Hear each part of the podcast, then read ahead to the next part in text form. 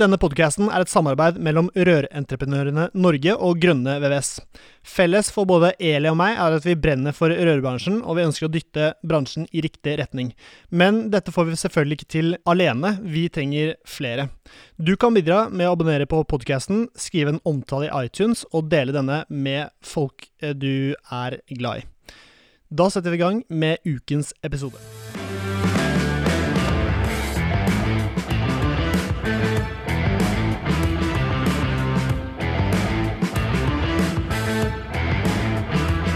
Hei og hjertelig velkommen til en ny episode av Bare Rør med Eli Hermine Heidal Eide og Severin Popp Midteide. Jeg glemmer det igjen. Det er Eli Hermine Heidal Eide fra Rørentreprenørene Norge. Viktig å få med seg. Og du Severin. kunne sagt bare Eli.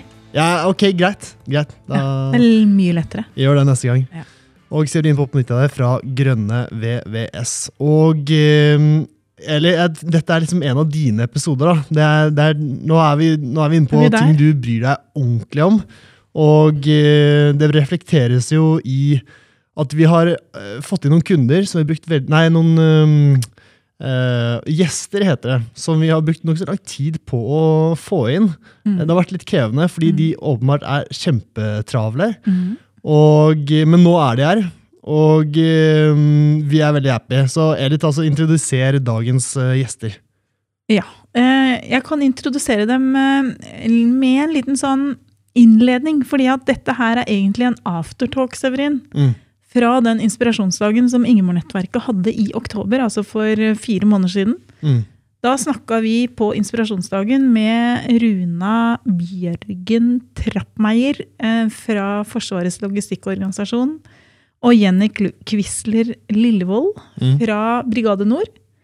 Den kommer sikkert til å introdusere seg sjøl om litt. Men eh, det vi snakka med de om, var kulturendringer, eh, porno og humor ja. i Forsvaret. Ja. Eh, god blanding. En ganske god miks, men det henger mm. veldig godt sammen. Og det er eh, Grunnen til at vi tok det opp i Ingvar-nettverket, er rett og slett at vi ser at det er Vi jobber jo veldig med å prøve å rekruttere flere kvinner inn i rørbransjen og inn i rørfaget. Mm. Og så ser vi at det lekker en del ut i andre enden. Det er jenter som slutter også. Mm. Og en av årsakene til det er at um, Sikkert fordi kvinner og menn på mange områder er forskjellige, men vi er jo en bransje med veldig veldig, veldig mange menn. Når under 2 av fagarbeiderne um, som er rørleggere, er kvinner, så sier det seg sjøl at det kan fort bli ting som skjer som ikke er greit. Mm. Uh, og det har vi i Ingvarnettverket sagt at det ønsker vi å bidra til å pushe på, så vi får en endring. Og så begynte vi å se på hvem kan vi lære av, hvem har gjort noe med dette før. Og de som på en måte, for meg i hvert fall, står som en sånn helt klar eh, best i klassen på det området her, det er Forsvaret. Mm. De som har lykkes veldig godt i eh, å jobbe med kjønnsbalanse. Mm. Sånn som vi også er opptatt i rødbransjen. Men de har også turt å ta tak i en del ting. Så Grunnen til at Runa og Jenny er her nå, er egentlig at jeg leste i Forsvarets forum om at de hadde en dag som handla om porno i Forsvaret. Og tenkte jeg, all verdens land og rike, hva er det her? Mm. Så ringte jeg til Jenny og Runa etter hvert. Og så blei vi enige om at dette må vi snakke mer om. Mm. Og nå er vi her og skal snakke om det samme på en litt mer sånn Ja, sånn hva, Hvordan kan dette være interessant for deg, Severin? Mm. Og resten av bransjen? Ja, jeg er veldig spent. Runa, hvordan har porno noe som helst med, det, med dagens tema Hvor er det vi setter inn det? Nei, altså porno handler jo eh, altså, for, Jeg må nesten starte litt før porno, da. Fordi eh, som Eli sier, sant, så har vi jo en eh, Vi er jo en mannsdominert bransje i Forsvaret, eh, som dere er i rørbransjen. Og vi jobber jo hele tiden med ulike tiltak for å sikre en større andel kvinner i Forsvaret. Eh, og et av de tiltakene er jo å jobbe med altså forebyggende arbeid når det gjelder mobbing og seksuell trakassering. Spesielt har det vært et fokus etter eh, metoo og, og, alt det der. Eh, også i Forsvaret har vi hatt noen undersøkelser, noen MOST-undersøkelser som vi kaller det. Vi liker å bruke forkortelser i Forsvaret, men, men MOST står da for mobbing og seksuell trakassering. Eh, og det er i forbindelse med det at vi etter hvert kom inn på, på temaet porno. Da, eh, for når man skal begynne å snakke om Eh, ja, hva er det som skjer når det gjelder seksuell trakassering, hvordan kan vi forebygge det, så, så må man jo også se litt videre på hva, hva er sex, hvordan påvirkes vi. Um, hvordan påvirkes dagens unge? I Forsvaret så har vi jo veldig mange unge som er vernepliktige. Noen av de fortsetter i Forsvaret, og vi vil jo helst at så mange som mulig av de vernepliktige skal bli i Forsvaret. Og da handler det om å ta opp også de kanskje litt kleine temaene, da. Og sette det i et større perspektiv.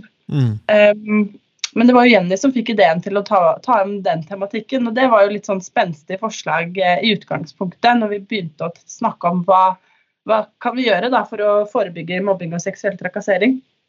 Mm. Jenny, kan du fortsette å begrunne hvorfor porno var en god idé? Nei, Det var egentlig fordi at uh, jeg var syk i fjor uh, februar en periode. Da satt jeg og så på en dokumentar på TV 2, uh, 'Pornolandet', som hadde fått gode anmeldelser. Og den tok for seg utviklingen i Norge da, fra pornografiens inntog. Um, og der var det som Maria Alin som ble intervjuet, som egentlig er norsk, men bor i Sverige. Som er en av verdens fremste eksperter på dette med pornografi og påvirkning. da. Eh, dess mer jeg så den dokumentaren, så innså jeg først og fremst at jeg kunne veldig lite om det her.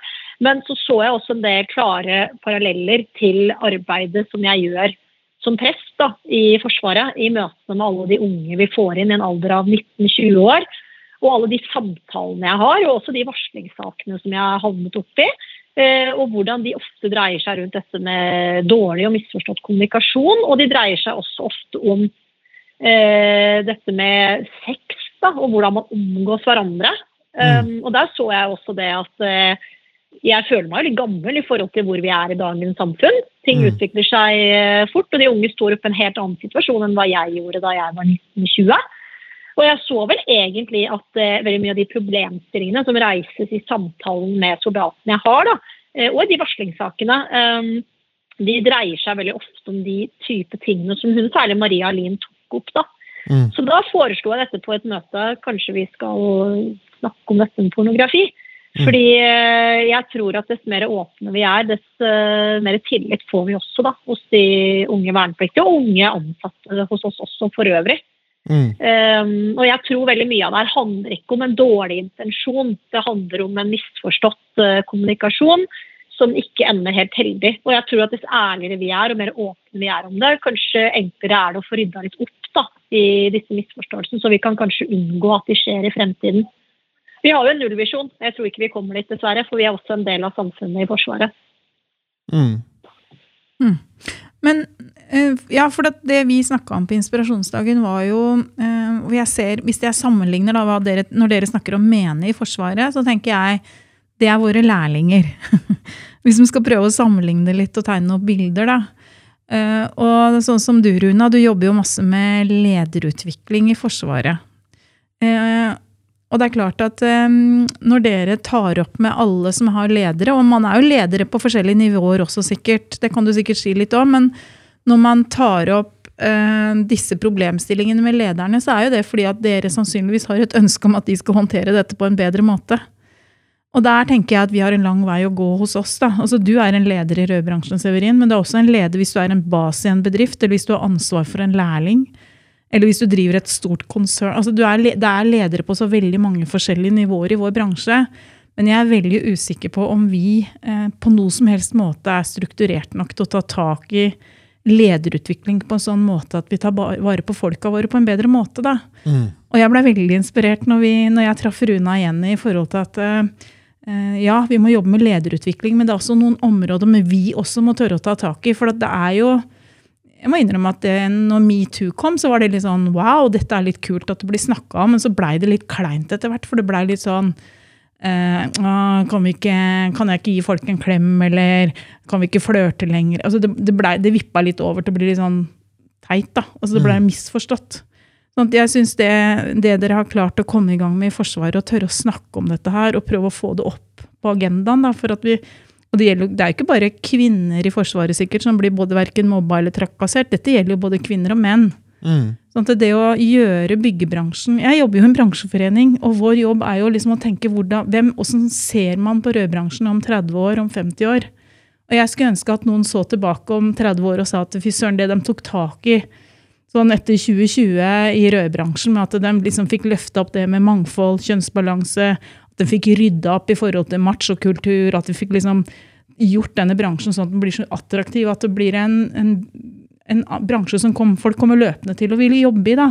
Det vil jo også være med å gjøre at du som bedriftsleder får dekka det behovet du har for folk du vil ansette. Så da, dette henger så veldig sammen, da. Mm. Så ja. Hvordan kan vi i denne lille podkasten være med å påvirke sånn at dette er noe eh, rødbransjen tenker at hm, det er kanskje ikke helt på jordet å tørre å ta tak i dette her. Men det å tørre å begynne å snakke om det bare, ja, det syns jeg er viktig, da. Mm. Eh, men jeg veit ikke helt hvor vi skal begynne hen. Jeg, Nei, jeg vil gjerne kartlegge liksom, hva som er problemene, og hva som har vært problemene i Vi har jo snakket om porno, og, men hva er, hva er problemene i, i Forsvaret? Nå har vi noen konkrete liksom, Går det an å finne opp en sak da, som lager bildet litt klarere på hva som er uh, utfordringene deres uh, igjen og Rune? Det er jo ganske Jeg bare tenker at Ja. Ja. Bare fortsett, Runa. Ja, nei, jeg, jeg skulle jo si at altså, eh, Forsvarets logistikkorganisasjon er jo én del av Forsvaret. ikke sant? Vi er jo en del av Forsvaret som har ansvaret for eh, alt av logistikk. Og, og, bare vi er jo over 2300 ansatte. Og så har vi jo Hæren og Luftforsvaret og, eh, og Sjøforsvaret i tillegg. ikke sant? Og, og, vi jobber nok litt ulikt med det i de ulike delene av Forsvaret. Eh, så, så bare, bare sånn for å tydeliggjøre at akkurat vi, eller jeg i hvert fall snakker på vegne av FLO og hva vi gjør. og så har jo Jenny nå, nå jobber jo Jenny her, så hun kan jo si litt mer om, om det. Men det vi ser i FLO, og det vi så avdekket med disse MOST-undersøkelsene, var at det var jo faktisk også en ganske stor andel menn som blir utsatt for eh, seksuell trakassering, bl.a. Ikke sant? Mm. Og det er litt som det Jenny sa, at det, det, handler mye om holdninger og hvordan man forholder seg til dette med sex f.eks., og hvordan da porno for eksempel, kan være med å påvirke de holdningene man har til det. Um, så for oss så var det jo litt det å, ja, som vi allerede har sagt, starte de samtalene. Og så, tenker jeg også at det vi eh, har gjort, da, er å jobbe med det ikke bare på ett nivå. altså Vi jobber, vi jobber med de samme temaene på flere nivåer. Da, Altså, Vi jobber med det fra eh, ledernivå og altså Vi har jo mange ledernivåer i, i Forsvaret, og hovedfokuset vårt har vært på alle som har linjelederansvar. Og det vil jo si at da, da dekker vi jo ganske mange ledernivåer. Ikke topplederne, men, men egentlig alle fra liksom under toppledernivå og helt ned da til de vernepliktige, som vi har hatt egne opplegg for. Så vi har hatt noe for eh, linjelederne, og så har vi hatt noe for vernepliktige. Men tematikken har vært den samme. Vi har hatt litt ulik vri på innholdet og hvordan vi har gjort det. men men, eh, men, det handler nettopp om det at vi, vi, kan ikke bare jobbe med noen, vi må jobbe med alle. Og mm. da tror jeg vi går mye bredere ut, da. Men har dere, har dere mm, ja, hva, hva, er en typisk eh, sak som liksom dere tenker at, som kommer på bordet til dere i forhold til trakassering? Enten om det er mobbing eller det, altså det er ikke så nøye, det er bare Har du noen type eksempler? Jeg kan jo ta et eksempel jeg hørte nå nylig. Da var det jo en eh, soldat som hadde, som hadde, kontakt, som hadde kontaktet to andre soldater og, og, bedt om å få nakenbilder mot betaling, mm. f.eks. Mm. Um, det er jo én type case ikke sant, som kan dukke, dukke opp. Uh, ellers så har det jo vært altså, Forsvaret har jo en, en, litt trist historikk med å bruke mange altså, regler og forkortelser og kjønnsdiskriminerende ord. ikke sant? Det var jo masse sånne huskeregler tidligere som ble brukt for å huske liksom, ulike våpenstillinger og og sånne type ting. Jeg er sivil, så jeg kan ikke så mye om den historikken. Og det er heldigvis ikke noe som er en del av kulturen i Forsvaret nå, men det er jo noe som man virkelig har måttet liksom slå hardt ned på for å få slutt på. da. Mm. Eh, så det å bruke altså hva slags språk man bruker, eh, kallenavn, ord eh, mm. Det kan jo også være, selv om det kanskje ikke opp menes eh, som trakassering, da, så kan mm. det, det er litt som Jenny sier, at intensjonen trenger ikke nødvendigvis være vond, men noen ganger så er man blitt vant til en sjargong og en måte å snakke til hverandre på som, som er ekskluderende, da, som er diskriminerende, og som også kan være trakasserende for noen. Mm. Og det å slå litt ned på den type ting tror jeg er viktig. Og så vet jeg jo at Jenny som feltprest har vært borti veldig mange eh, caser. Så du, kan, du har kanskje noen eksempler du, Jenny, på hva slags type caser du har vært borti? Jeg tenker jo er en av de tingene som jeg synes også er viktig å nevne her, at vi snakker om uh, dette arbeidet vi har gjort. og Det er også det arbeidet vi gjorde mot de ansatte da vi hadde denne heldagen. og Det tenker jeg litt inn mot det vi snakker om i dag også. at da jeg var i Forsvaret i 2011, så det er praksis fra teologistudiet. Og da var det ikke så veldig mange kvinner i Forsvaret. Vi hadde ikke allmenn verneplikt ennå. Og da møtte jeg en mannlig sjef i en avdeling som sa til meg at skal vi ha øh, kvinner som ønsker å være i Forsvaret, og dyktige kvinner her, så må de også føle at det er rom for dem, og de må bli tatt imot på en respektfull måte. Da. Det var mm. han veldig veldig opptatt av. Mm. Uh, og jeg så på en måte etter hvert uh, hvor mye dette betød. Så for meg er en av mine mantra har vært det at har ikke vi dyktige ledere som evner å ta vare på de som kommer inn, så mm. hjelper det ikke hva vi gjør på bakkenivå. Fordi sånn som du kan ha um, en sak der en høyere militær leder f.eks. er til stede i et rom, og så kan noen andre sitte f.eks. med ja, en ufin sjargong eller humor, og så blir det ikke tatt tak i. Eh, og så ser du på en måte da at de øverste lederne de sier ingenting. Mm. Hvem er da de på lavere nivå til å tørre å si noe? Mm. Og I Forsvaret med et hierarki da, så er det kanskje vanskeligere når det er et gradssystem, men jeg tror det samme gjelder i det sivile hos dere. er at Er du nyansatt og yngre og litt lavere i gåstegn på den rangstigen, så er ikke du den som roper ut at vet du hva, jeg syns ingenting om det du sa der. Særlig ikke hvis det kommer fra en eldre og en person som står høyere i det hierarkiet enn deg. da.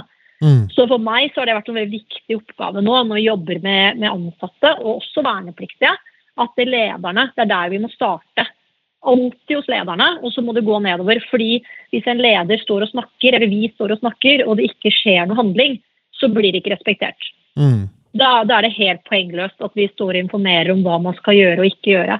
Og Jeg hadde en, en soldat som sa veldig godt til meg en gang at eh, da hun hadde gått fra å være vernepliktig til å bli ansatt som grenader, så sa hun det at som vernepliktig hadde de blitt fortalt hele tiden om hvordan man skal oppføre seg, hva man skal si og gjøre.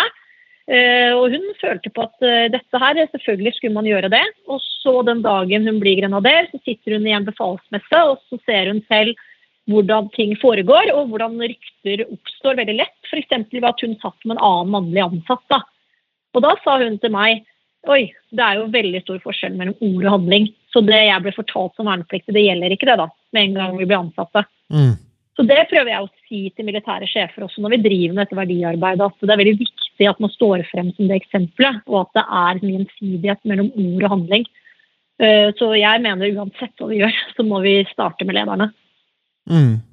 Men er det Hvor går linja mellom det å være hårsår og si ifra, og det å faktisk ha en case der hvor man blir krenket og eh, Altså, hvor er grensen? Er det burde man bli litt tøffere og eh, liksom uh, tenke at det, sånn her er det, og sånn det her er historie, og det her er liksom uh, for mange nostalgisk og noe bra, eller er det sånn at man må velte på hele systemet og gjøre det om igjen? har du noen tanker om det, eller? Jeg har masse tanker om det. for det, det er jo bl.a. noe av det jeg snakker veldig mye om når det gjelder dette med humor. For humor er altså en en, en, viktig del av det, den hele opplæringen vi har hatt for alle linjelederne. Hva betyr og, og hel? Eh, holdning, etikk og ledelse. jeg sa det kanskje ikke i sted. Men, men, det er jo det konseptet vi jobber med når det gjelder eh, kulturendringsarbeid da, for eh, linjelederne. Mm. Så har vi forkortet eh, holdning, etikk og ledelse med hel. Men, men, en av tematikkene på den opplæringen jeg har holdt nå det siste året, og som jeg fortsatt uh, holder, det er jo humor. Og da snakker vi jo nettopp dette, ikke sant? og du spør hvor grensen går. Og det er jo det jeg syns er så interessant og egentlig ganske komplekst når det gjelder mm. humor og sjargong, fordi det er jo ikke noe fasitsvar. Det er jo, altså, Grensen er veldig ulik. Grensen min er ulik fra din grense, og ulik fra Eli sin grense og ulik fra Jenny sin grense. Mm. Og det kan være veldig vanskelig å sette en sånn helt tydelig skille der.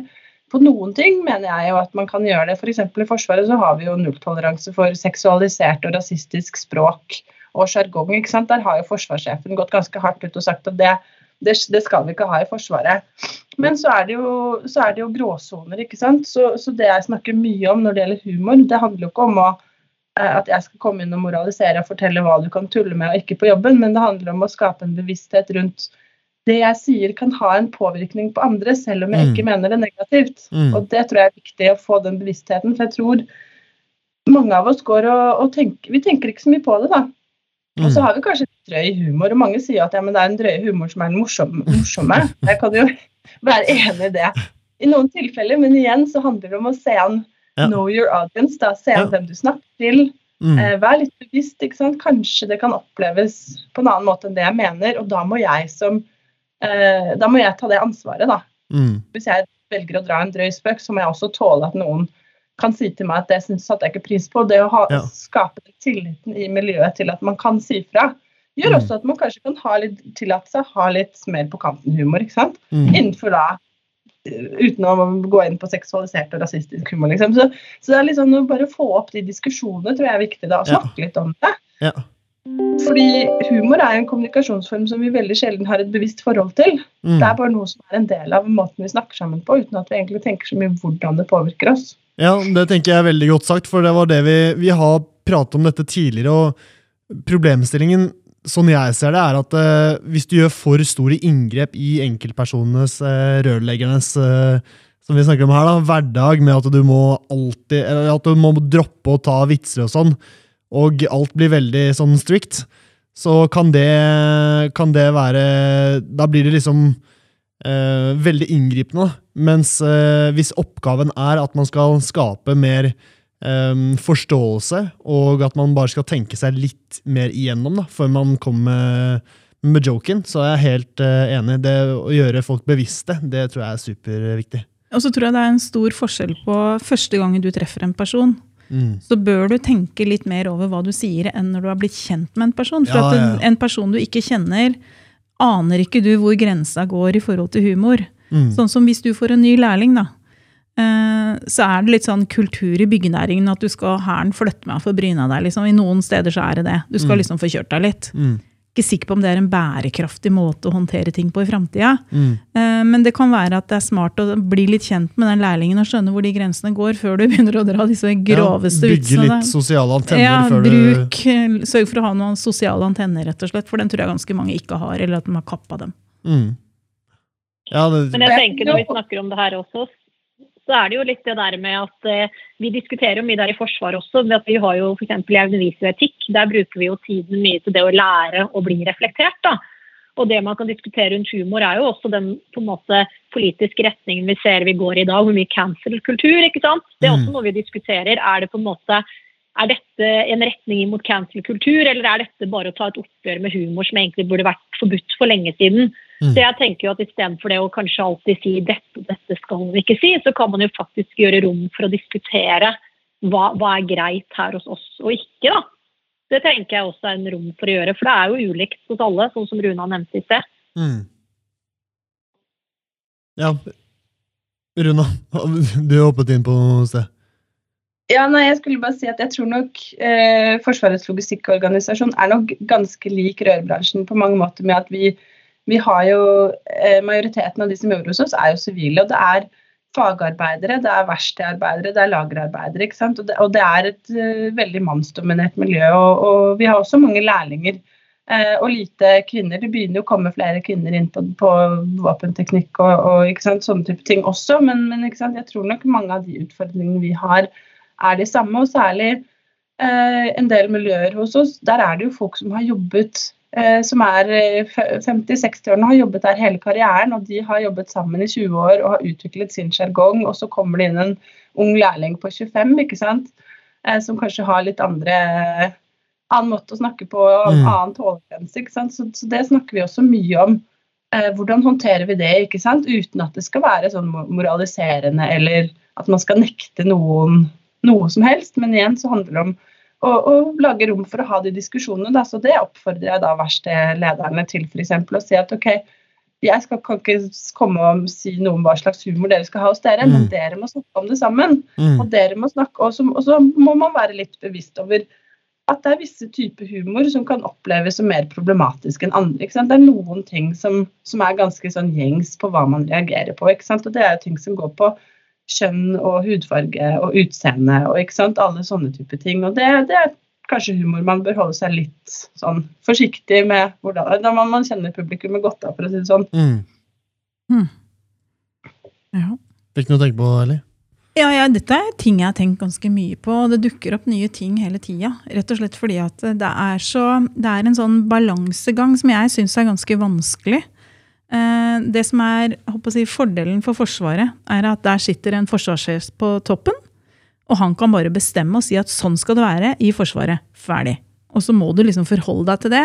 Og i Forsvaret så er man vant til å forholde seg til lover og regler, og hvis, det, hvis du ikke følger dem, så får det en konsekvens. Mm. Og så sitter vi da og har en eh, byggebransje, en rørbransje, som vi ønsker å gjøre grep i. Lederne i vår bransje har sagt at dette ønsker vi å ta tak i. For det er et problem at vi bare rekrutterer fra en viss andel av den mannlige befolkning. Vi må gjøre noe. Eh, men vi har ikke en som sitter på toppen av norsk byggebransje eller norsk rødbransje og sier at sånn gjør vi det. Og hvis ikke du oppfører deg ordentlig, Severin, så får du kakebu. Altså liksom, vi, har, vi, har, ikke de samme virkemidlene da, eh, mm. eh, som de har i Forsvaret. Og spørsmålet er hvordan kan vi som bransje klare å gjøre dette på en sånn måte eh, og balansere det, sånn at vi ikke får at folk går og blir sure, og heller at vi får motsatt effekt. da. Mm. Eh, for noen år siden, når vi starta Ingmar-nettverket i 2016, så hadde vi en inspirasjonsdag i 2017. Eh, og da kom lederen i AF-gruppen på inspirasjonsdagen og snakka litt om grep de hadde gjort i sin bedrift. Det, en av de første grepa de hadde gjort, eh, var f.eks. å stoppe det med disse kalenderne som hang oppe overalt. de dame disse damekalenderne? Ja. De ga klar beskjed om at bedrifter som sender oss en sånn kalender i posten, kan bare drite i å levere noe som helst til oss. Ja. Sorry, Mac, dere vil jo ikke ha noe med å gjøre. Mm. Eller dere som spiller på det med sex og kvinner og kjønn. Og liksom, dere, dere spiller på det um, som vår leverandør, så kan dere drite i å ha noe med oss å gjøre. Vi vil ikke det. Det er ikke greit lenger. Den mm. tida er forbi.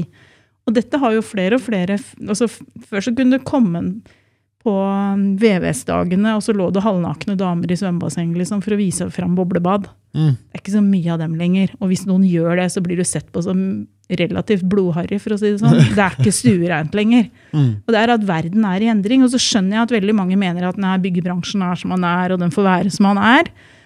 Men det er ikke de som sitter og mener det, som bestemmer lenger. Det, det sitter noen ledere som har blitt bevisstgjort på at vi må gjøre noen grep. Mm. Og jeg bare jeg skulle så ønske det fantes en eller annen oppskrift vi kunne følge. Eh, jeg tror vi har veldig mye å lære av det dere gjør med lederne deres eh, i Forsvaret. Men det hadde vært litt spennende å hørt um, Jenny, du reiser jo rundt og snakker med veldig mange av de vernepliktige. og får liksom, er kanskje med, og det er kanskje begge to, med i den der håndteringa når noe som ikke, har, ikke, er greit, har skjedd. Uh, og litt sånn Etter metoo så fikk jeg veldig sånn følelsen at um, den derre grensa for hva er trakassering? Altså, den er, jeg har aldri tenkt over det før, hvor flytende den kan være. Da. For den er veldig Jeg er sikker på at Severin har et helt annet syn på hva som kan være trakasserende enn en meg, eller en, en ny, fersk lærling på 18 år. Mm. For det, det, bildet flytter seg jo litt i forhold til Du får jo større toleranse for ting etter hvert. Jeg kjenner damer på min alder i, i rør- og byggebransjen som sier at vet du hva, Eli, du kan ikke begynne å endre den der rødbransjen. Den er som den er. Byggebransjen er som den er. Og hvis de ikke tåler det, for det har jeg tålt, da får de bare holde seg unna. Mm. Eh, det er ikke alle som er enig i at det er måten å tenke på heller. For det er litt sånn, da har du trukket opp stegene etter deg sjøl også. Så, dere i Forsvaret har på en måte litt andre virkemidler, men hvor har dere liksom lagd noen føringer? Hvordan har dere klart å legge føringer for hvordan dere skal ta tak i ting? Har dere noen regler?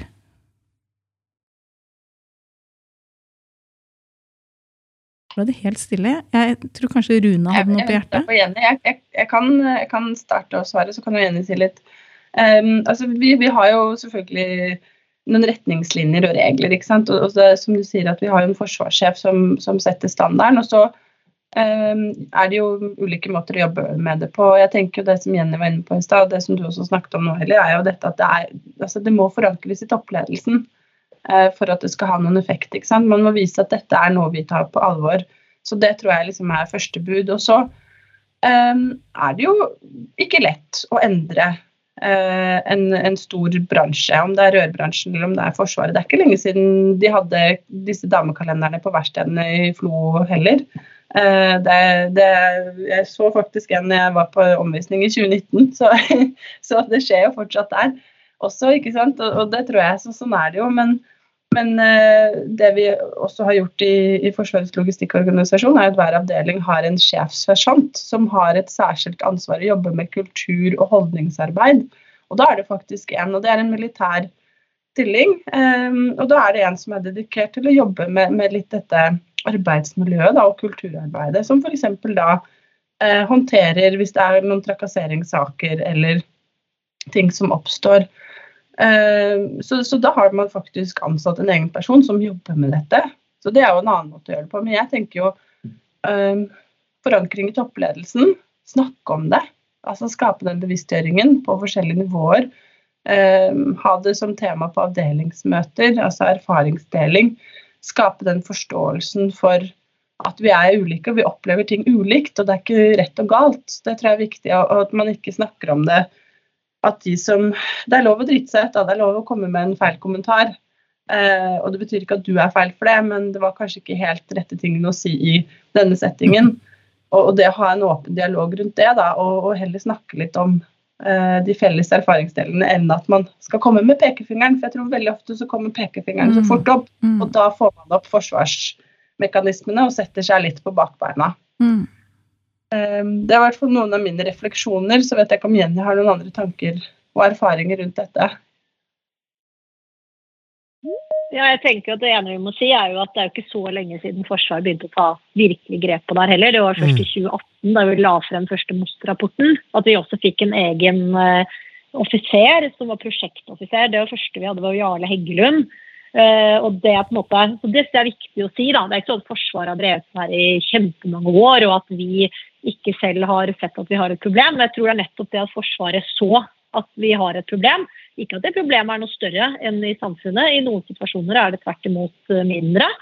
Uh, men det å anerkjenne da, at eh, vi er også en del av det samfunnet og vi har dette problemet, og det tør vi å si høyt. Forsvarssjefen legger frem disse MOST-rapportene eh, på pressekonferanse når de kommer hvert andre år. Og det tror jeg også være en fin ting hos dere, da, å faktisk kunne si at ok, vi er heller ikke feilfri, vi har dette problemet, hva kan vi gjøre med det? Er det f.eks. mulig å ha noen som kan jobbe dedikert med dette, som kan være en rådgiverfunksjon, da? Kanskje fra dere i rørbransjen ut mot de ulike bedriftene. Det, mm. det, ser vi at har vært nyttig i Forsvaret. Da. Og Ut fra det har jo også denne prosjektoffiseren fått i gang et samarbeid med eh, Likestillings- og diskrimineringsombudet. Så Rune og jeg deltok jo på den første pilotutdanningen som vi fikk der. Det å være instruktør innen MOST-forebyggende arbeid. Så nå er kurs som kan bestilles opp i hele, hele Forsvaret. Da. Så det er et tips som jeg syns er, bare fint uh, ut til dere. Tror vi legger ut en link også til for Likestilling- og diskrimineringsombudet. Har veldig masse flotte filmer og um, digitale kurs som du kan ta. Mm. Eh, som er mm. nyttig for egentlig alle. Og en annen ting jeg tenker da, når vi snakker om disse plakatene, er at jeg vet ikke om dere har sett sesong tre av Rådebank? Jo da. Eh, for der var det jo en Ja da, der sitter jo hun eh, Hva er det hun heter igjen? Hun Hege. Hege, ja. Hun sitter jo på lunsjrommet, og så ser hun at eh, de mennene Det er jo bare menn og henne som jobber som billakkerere. Og så diskuterer de en plakat som henger på veggen, en kalender da, med nakne damer. Ja. Og så ser du at Hege etterpå søker en jobb i en eh, For da sitter menn og ler av en avisartikkel om at ja, ja, det er en kvinne da, som har startet dette nye firmaet. Og da ser du at Hege søker dem, og når hun får den jobben, så tar hun jo ned den eh, plakaten med de kvinnene og henger opp en med menn. Ja, stemmer. Og jeg tenker liksom at det budskapet som kom der også, tenker jeg er gjeldende for både dere og i Forsvaret. Det der som han sjefen sa til meg i 2011, som har satt meg, da, er at hvis du vil ha disse dyktige unge kvinnene som har lyst til å komme og har lyst til å bli, så må du mm. gi dem et trygt rom, og du må, føle, du må gjøre at de føler seg velkomne. Mm. Og det tenkte jeg veldig på da jeg så akkurat den scenen med hun Hege, at den har de gjort bevisst vi ja. har jo ikke sant, i dag en situasjon at det er for få som tar yrkesfag. Det er også få kvinner som går inn i disse mannsdominerte yrkene. Mm. Og Det ser vi i Forsvaret også. Skal vi beholde kvinner Vi har allerede en kvinneandel som er lavere enn det som er ønskelig. Mm. Så må vi gi dem det trygge rommet. Og Det handler ikke da om at vi skal sånn, tilrettelegge så kvinner slipper unna det eller det, men det handler om å gi dem på en måte, like muligheter og ikke på en måte diskriminere dem. Mm. Uh, og Det tenker jeg også kan være lurt å ta med seg. da. Mm. mm. Har dere, har dere hatt noe sånn stunt Jeg tenker, Har vi en idé som liksom vi kan utføre nokså kjapt da, for å få, få damene mer komfortable i rørbransjen? Er det et eller annet vi kan liksom gjøre i morgen for å gjøre dette bedre? Vanskelig spørsmål. Jeg vet ikke, Runa. Har du noen forslag? Nei, det, det, var et ganske sånn uh, komplekst spørsmål, egentlig. Um, ikke så lett å svare kjapt på det. Um, Nei, altså jeg, jeg, tror jo ikke dette er noe som endres over natten. Det er det jo ikke i Forsvaret heller. Eh, og det tror jeg ikke det er i, i, rørbransjen. Så jeg tror det er vanskelig å si at det er noe sånn quick fix eller magisk sånn dette gjør vi, og så hjelper det. Men, men jeg, jeg, tror det handler om å, å, innse at dette er en langvarig endringsprosess, og vi må starte med noe, da. Jeg tror det som ofte gjør det vanskelig, er at man tenker at åh, oh, men det er så mye å ta tak i. Og så blir man kanskje litt lamma av det, ikke sant. Og kanskje det er litt sånn for dere i rørbransjen at, at, det er så mange som tenker at ja, men eh, her, her, har det alltid vært sånn, og sånn må det alltid bli. Og, så, og det er vanskelig å endre. Og så med en gang man har tenkt den tanken at det er vanskelig å endre, så har man på en måte satt noen sperrer for seg selv, da. Så mm. jeg vil jo bare si at start i det små. ikke sant? Ta, ta vekk plakatene, ha noen, diskutere litt, få det opp på agendaen. Vise at det fokuseres på. Mm. Eh, snakke det, altså alle disse små, små tingene tror jeg har kjempestørre effekt enn det man kanskje tror. da. Mm. Man tenker kanskje at man må ha store happenings eller liksom store tiltak, men så er det egentlig det der daglige arbeidet som også Jenny er litt inne på. ikke sant? Det handler om å ha, skape de rommene, og ikke bare for kvinner, men også for menn. fordi som jeg sa, det vi i FLO så vet vi at det er mange menn som opplever disse tingene også, som har sagt nå i ettertid, når vi har begynt å fokusere mer på det, at nå syns jeg det er mye mer ålreit å være på jobb. Mm. Rett og slett fordi eh, det blir gjort, gjort, noe med det, da, om man har disse diskusjonene. Mm.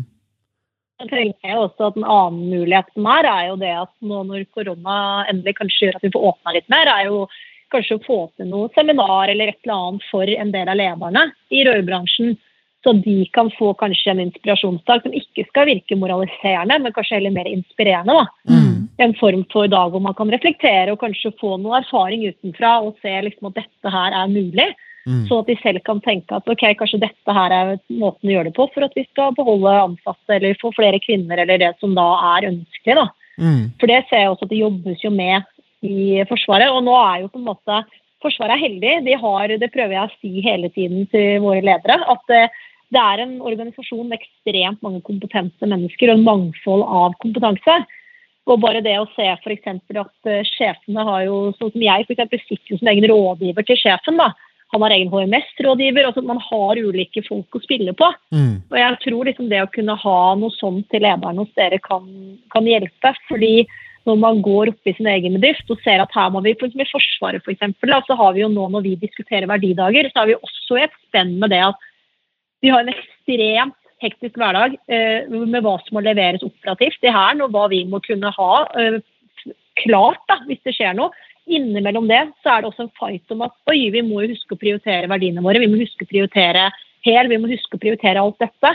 Mm. Og så er det om å gjøre å sette av den, den, tiden da, i Forsvaret til at dette mm. er viktig. Ja. Uh, og der sant, kan man ha folk som kommer inn og sier at dette er viktig for de. Mm. Og nå i Forsvaret har dette faktisk begynt å bli målbart. da. Mm. Måles i det, at de faktisk prioriterer det. Så jeg har jo sett en endring bare på de årene jeg har vært i Forsvaret. Fra at eh, noen ting måtte man kanskje diskutere seg til å få tid til før, til at nå er det en selvfølge. Mm. Fordi man ser at man har ikke operativ evne hvis man ikke har verdiene på plass. Og det tenker jeg kanskje hos dere òg, at dere har ikke bedrifter går ikke hvis du ikke har de ansatte med deg.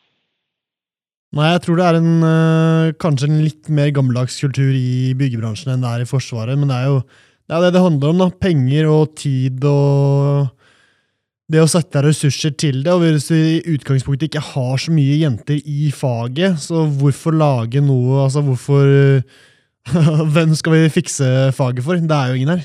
Det er det. Så. Og det som er noe dritt, er at veldig mange av de vi klarer å rekruttere inn, de slutter Severin. Mm. For det er ikke greit for alle på jobb. Og Nei. det blir litt sånn eh, ja, Hvis vi tenker liksom ett år fram i tid, eller hvis vi tenker ti år fram i tid Vi veit at vi kommer til å få et vanvittig sug og mangel etter eh, fagarbeidere i det faget her. Vi klarer ikke å rekruttere nok folk. Du som bedriftsleder og resten av dine kollegaer klarer ikke å ansette nok lærlinger. Fordi det er for mange som slutter. Mm. Og mange av kvinnene slutter fordi de ikke har det greit på jobb. Mm. Og det er det vi må stoppe, da. Mm. Det var bare tull, altså. Jeg skjønner det godt. Uh, jeg skjønte ikke at det var tull, ja. Nei, nettopp. Nei, dårlig humor, kanskje. Sånn er det. Det er sikkert dårlig humor. Men det jeg ser for meg, da det, Ja, for jeg tror jeg kanskje er et, uh, et virkemiddel som kan funke på nokså kort tid. Men det, vi har to dommere her nå, Jenny og Runa. Um, hvis vi, har en vi lager en VR-verden, der hvor man kan ta på seg briller, og så får eh, gutta gjennomgå alt det jentene får eh, gjennomgå. Og så ser vi hvordan de takler det. Eller vi lager en perfekt verden der hvor, der hvor uh, man ser alle, alle, tingene som er gjort da, for å forbedre arbeidsplassen til, uh, til jenter og menn. Uh, for å få det helt ideelt. da. Um, Tenker alle la den fareblind-episoden hvor du kunne forårsake dødsulykker. Her kan du forårsake seksuell, trak seksuell trakassering. Ja, og så får du se åssen det funker liksom, på nært mm. hold. Mm. Ja. Se tårene og fortvilelsen og alt det gærne som ser. Ja, det, ja, ja. Nei, men helt ærlig. Det ja. tror jeg kunne vært en uh, god idé. Mm. Kreativt. Og akkurat det driver vi med i Forsvaret nå også. Det er jo en egen gruppe nedsatt av Forsvarets uh, forskningsinstitutt uh, som driver nå og lager der jeg har vært med, som driver og har lagd eh, program for hvordan vi skal ta imot de nye vernepliktige som kommer inn i Forsvaret. Mm. En del av programmet der går på forebygging av mobbing og seksuell trakassering, hvor de har vurdert VR-briller, og også det at utvikling av et spill.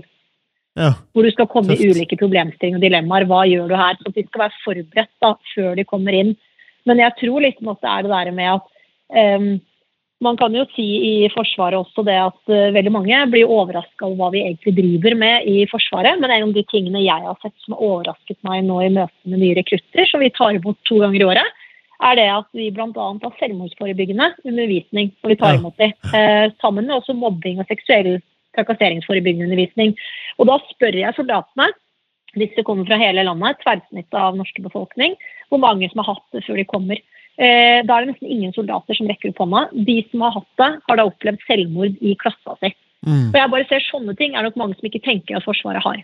Mm. Hvorfor har vi f.eks. det så godt som man har selektert? Og jeg tenker at Det er litt det samme som dette mobbing og seksuell trakassering. Da. Det er det å tørre å ta tak i en del problemer som vi vet er der, og som ikke så mange tør å snakke om. Og det er mm. tabu å snakke om. Og jeg tenker Alt dette bidrar til et bedre arbeidsmiljø og det bidrar til en tillit og åpenhet da, som gjør at folk føler seg trygge. Mm. Og Det er etter disse leksjonene soldatene kommer til meg og kanskje sier 'jeg har aldri snakka med noen før jeg kommer hit'. Mm. Og så forteller de om at de har vært utsatt for overgrep eller de har vært utsatt for andre typer veldig vanskelige livsopplevelser. Mm. Og jeg tenker Den tilliten er kanskje sunn hos dere også, i det der med at folk skal føle at det er trygt å si fra. Det er trygt å være her med den jeg er. da. Mm. Det, det, tenker jeg, Selv om Forsvaret er ulikt rørbransjen, så, så, tror jeg ikke vi er så ulike på alt. da. Ja, vil det ha noe, Tenker du at det kan ha noen negative konsekvenser å åpne seg sånn opp? At det blir for useriøst, eller at det liksom eh, rangene og eh, um, At det ikke blir såpass mye forskjell på, på, folk? da? Ser du noe negativt med det å åpne opp? Ja, hvordan da tenker du med forskjell på Nei, altså, det er jo en hvis du har eh, Nå er jeg helt blank i forhold til Forsvaret, men hvis du har eh, en som har den stillingen, og en som nettopp har eh, Som er rekrutt, eller noe sånt. da. Vernepliktig. Ja, vernepliktig. Mm. At de skal begynne å kommunisere sammen. At det kan være en, en, utfordring fordi de har helt forskjellige grader og de står på helt på forskjellige steder. Kan det være en utfordring? Nei, altså Det som vi snakker mye om, da, særlig innrykket når de kommer inn, er jo det der med at det er jo nytt for mange ikke sant? at du skal forholde deg til gradssystem. Nå er jo mm. ikke gradssystemet så prega i Norge som vi ser i USA og Storbritannia f.eks. Men uh, det som vi snakker mye om der, er at når man kommer inn i Forsvaret, selvfølgelig så skal du adlyde ordre, og du skal høre på det som blir fortalt. Men etter uh, Vassdalsulykka som var i, i, Norge, hvor flere døde, mm så har det også blitt innført noe som heter den strategiske korporal i Forsvaret. Som innebærer det at uansett gradsnivå du er på, og uansett gradsnivå til den du ligger under, så skal du kunne si ifra. Du skal mm. aldri kunne føye deg for uh, ting som er imot loven, eller ting som du ser at dette her, det kan jeg ikke gå an på. Dette her er farlig eller ulovlig eller risikabelt eller forbi hva som er akseptabelt. Og det er vi veldig nøye på å si til soldatene. Det er mm. en veldig veldig tydelig grense mellom det å faktisk høre på autoritetene som kommer inn, mm. og det å kunne si ifra når noe ikke er greit. Og det er viktig å presisere, og det er en del av det vi trener på etikkundervisningen også. Det å bli såpass reflektert selv. fordi at når du drar ut i strid, så har du brøkdelen av et sekund til å ta en avgjørelse som du mm. skal stå for ettertid. Både når du kommer til folkeretten og når du kommer til etikken. Så jeg tenker det å på en måte gjøre deres ansatte også på en måte mer bevisste. da. Én eh, ting er lovverket, som vi nå underviser ansatte og vernepliktige om i Forsvaret. Hva sier norsk lov f.eks. om trakassering og overgrep? Og veldig mye av det baserer seg også på subjektiv oppfatning. ikke sant? Eh, hva som blir uh, følt av mottaker. Derfor jobber vi mye med dette som Rune sa, med hva jeg sier og hva du hører. Det er ikke det samme alltid. Mm. Og så snakker vi også veldig mye om dette med hvem er vi, hva tar vi med oss, og hvordan er vi i møte med andre. Og F.eks. et undervisningsprogram om humor da, som Runa holder. Så vi bruker veldig mye tid på å få de selv til å kunne reflektere rundt de problemstillingene her. For mm. mye av dette er ikke svart-hvitt. Og jeg tror liksom det med å skape trygge rom og det å skape den refleksjonen og den åpenheten, den mener jeg er utelukkende positiv. Og jeg mener også det at det, det kanskje skal bli en lavere terskel for at man skal kunne snakke mellom sjefer og ansatte. Mm. Fordi frykten der gjør at mye kanskje ikke kommer frem. Definitivt. Og at man føyer seg i større grad fordi man er redd da, for autoriteter. Ja. Jeg, jeg tror Egentlig så kan man oppsummere det her med at hvis du oppfører deg, om du er i Forsvaret eller, på, eller i rødbransjen, på en sånn måte at mammaen din eller søsteren din eller kjæresten din eller datteren din eh, kunne synes det du driver med, er greit, da er alt innafor. Mm. Tenk hvis du kom dit. Tenk hvis mm. du kom dit. Mm. Det er også en uh, lavterskel måte å komme inn og få snakka med mange i bransjen på det her. Hvis vi hadde lagd et opplegg for alle lærlingene vi tar inn, f.eks. Mm. Da begynner vi i hvert fall et sted. Og så har jeg også og En annen tilbakemelding tenker jeg også som er viktig det her, da, når dere faktisk har flest menn, er at en av de tingene som også gjorde at vi hyret inn Maria Lind snakke om pornografi, er at eh, veldig veldig mange unge menn eh, ser jeg både når vi har åpne leksjoner, bl.a. i selvmordsforebyggende, eller når de kommer til meg i samtale, sliter med at samfunnet har en forventning til hvordan de skal være. Og nå leste jeg senest i dag en artikkel i Aftenposten om incels, eh, om menn som lever i ufrivillig sølibat. Mm. Hvor det er gjort nå en forskning i, i Norge da, på Ressurssenter for menn som viser at det er jo noen av de mennene de intervjuet, har ikke kanskje fått en klem på sju år. Mm. Uh, og mange av de mennene som jeg snakker med da, her i Forsvaret, sier jo det samme selv at det er ikke rom for oss å vise følelser. Det er ikke rom for oss å være på en måte svak i gåsetegn eller å kunne ha det vanskelig. Mm. Og Det også bringer jo med seg en del av de problemene vi ser innenfor trakassering og mobbing og seksuell trakassering. da. Eh, så jeg tror det er veldig viktig også at dere fokuserer på de unge mennene hos dere, som i hvert fall kanskje kommer inn i en mannsdominert bransje hvor du skal være litt tøff. Mm. At det faktisk er rom for ikke være det. For jeg har også møtt soldater i Forsvaret som tidligere har jobbet som innen yrkesfag, mm. som forteller at det ble for krevende for dem. Mm. Fordi det ble en bransje hvor det ble forventa Jeg snakket med en som uh, er homofil, som sa det at det var ikke rom for ham å være håndverker. Mm. Fordi at den bransjen ble for tøff. da. Mm. Så jeg tror det også er like viktig da, eh, i rekruttering og det å holde på, på de dere har. da. Mm. Ja.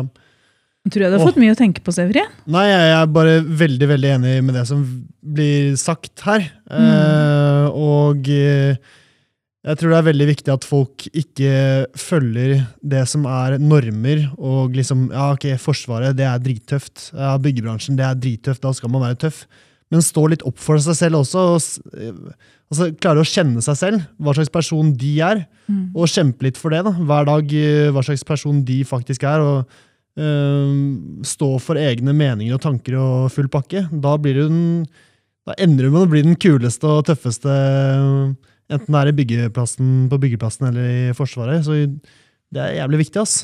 Hvis du topper det da, med å være en sånn arbeidskollega som faktisk bryr deg, hvis, noen, hvis, du ser at noen ikke har det greit på jobb, at du faktisk bryr deg og tar tak og sørger for at det blir rydda opp i, ja. da begynner det å dra seg til. Ja, det er bare jævlig viktig å altså, tenke på hva som er tøft. Hva er det som er tøft? Det er å være ydmyk og vise følelser og vise eh, Vise, vise, brorskap med at du åpner opp på deg selv, og at folk kan komme til deg og vise, vise følelser. Det er superviktig. Det, ja. det er ikke alltid opp til omgivelsene, selv om det er det vi prøver å endre, endre på her. Mm. så er Det liksom... Det, det starter å, med deg sjøl. Det starter med deg sjøl. Mm. Dæven, Severin. Ja. det er sånn som jeg ser sånn som på meg, jeg tenker liksom noen av de fineste øyeblikkene jeg har, det er f.eks. når jeg får en soldat på kontoret mitt, og det er kanskje en ung mann som kommer til meg og så sier eh, dette er første gangen i livet mitt at jeg har turt å åpne opp om dette. Eh, mm. eller være sårbar, eller gråte foran noen, eller snakke om noe som er vanskelig. Og da tenker jeg, vet du hva, Det tror jeg det er ingen som hadde trodd at det er første gangen en ung mann gjør i Forsvaret. Mm. At det er der man gjør det. Og da liksom sier jeg at vet du hva, Det er liksom det sterkeste du kan gjøre. Og for meg så er det et veldig sterkt øyeblikk å tenke at Ja. vet du hva, har du fått den tilliten i Forsvaret, Mm. så er det kjempebra. Og da Ja. tenker jeg den kan man få hos dere òg. Mm. Jeg skal bare legge til én ting eh, på slutten her, for jeg, eh, vi må prøve å runde av nå. Men eh, eh, for hvert sånn øyeblikk For jeg har også hatt noen sånne øyeblikk der hvor jeg har pratet med folk som aldri har åpnet opp om egne følelser, og jeg har også vært der, selvfølgelig.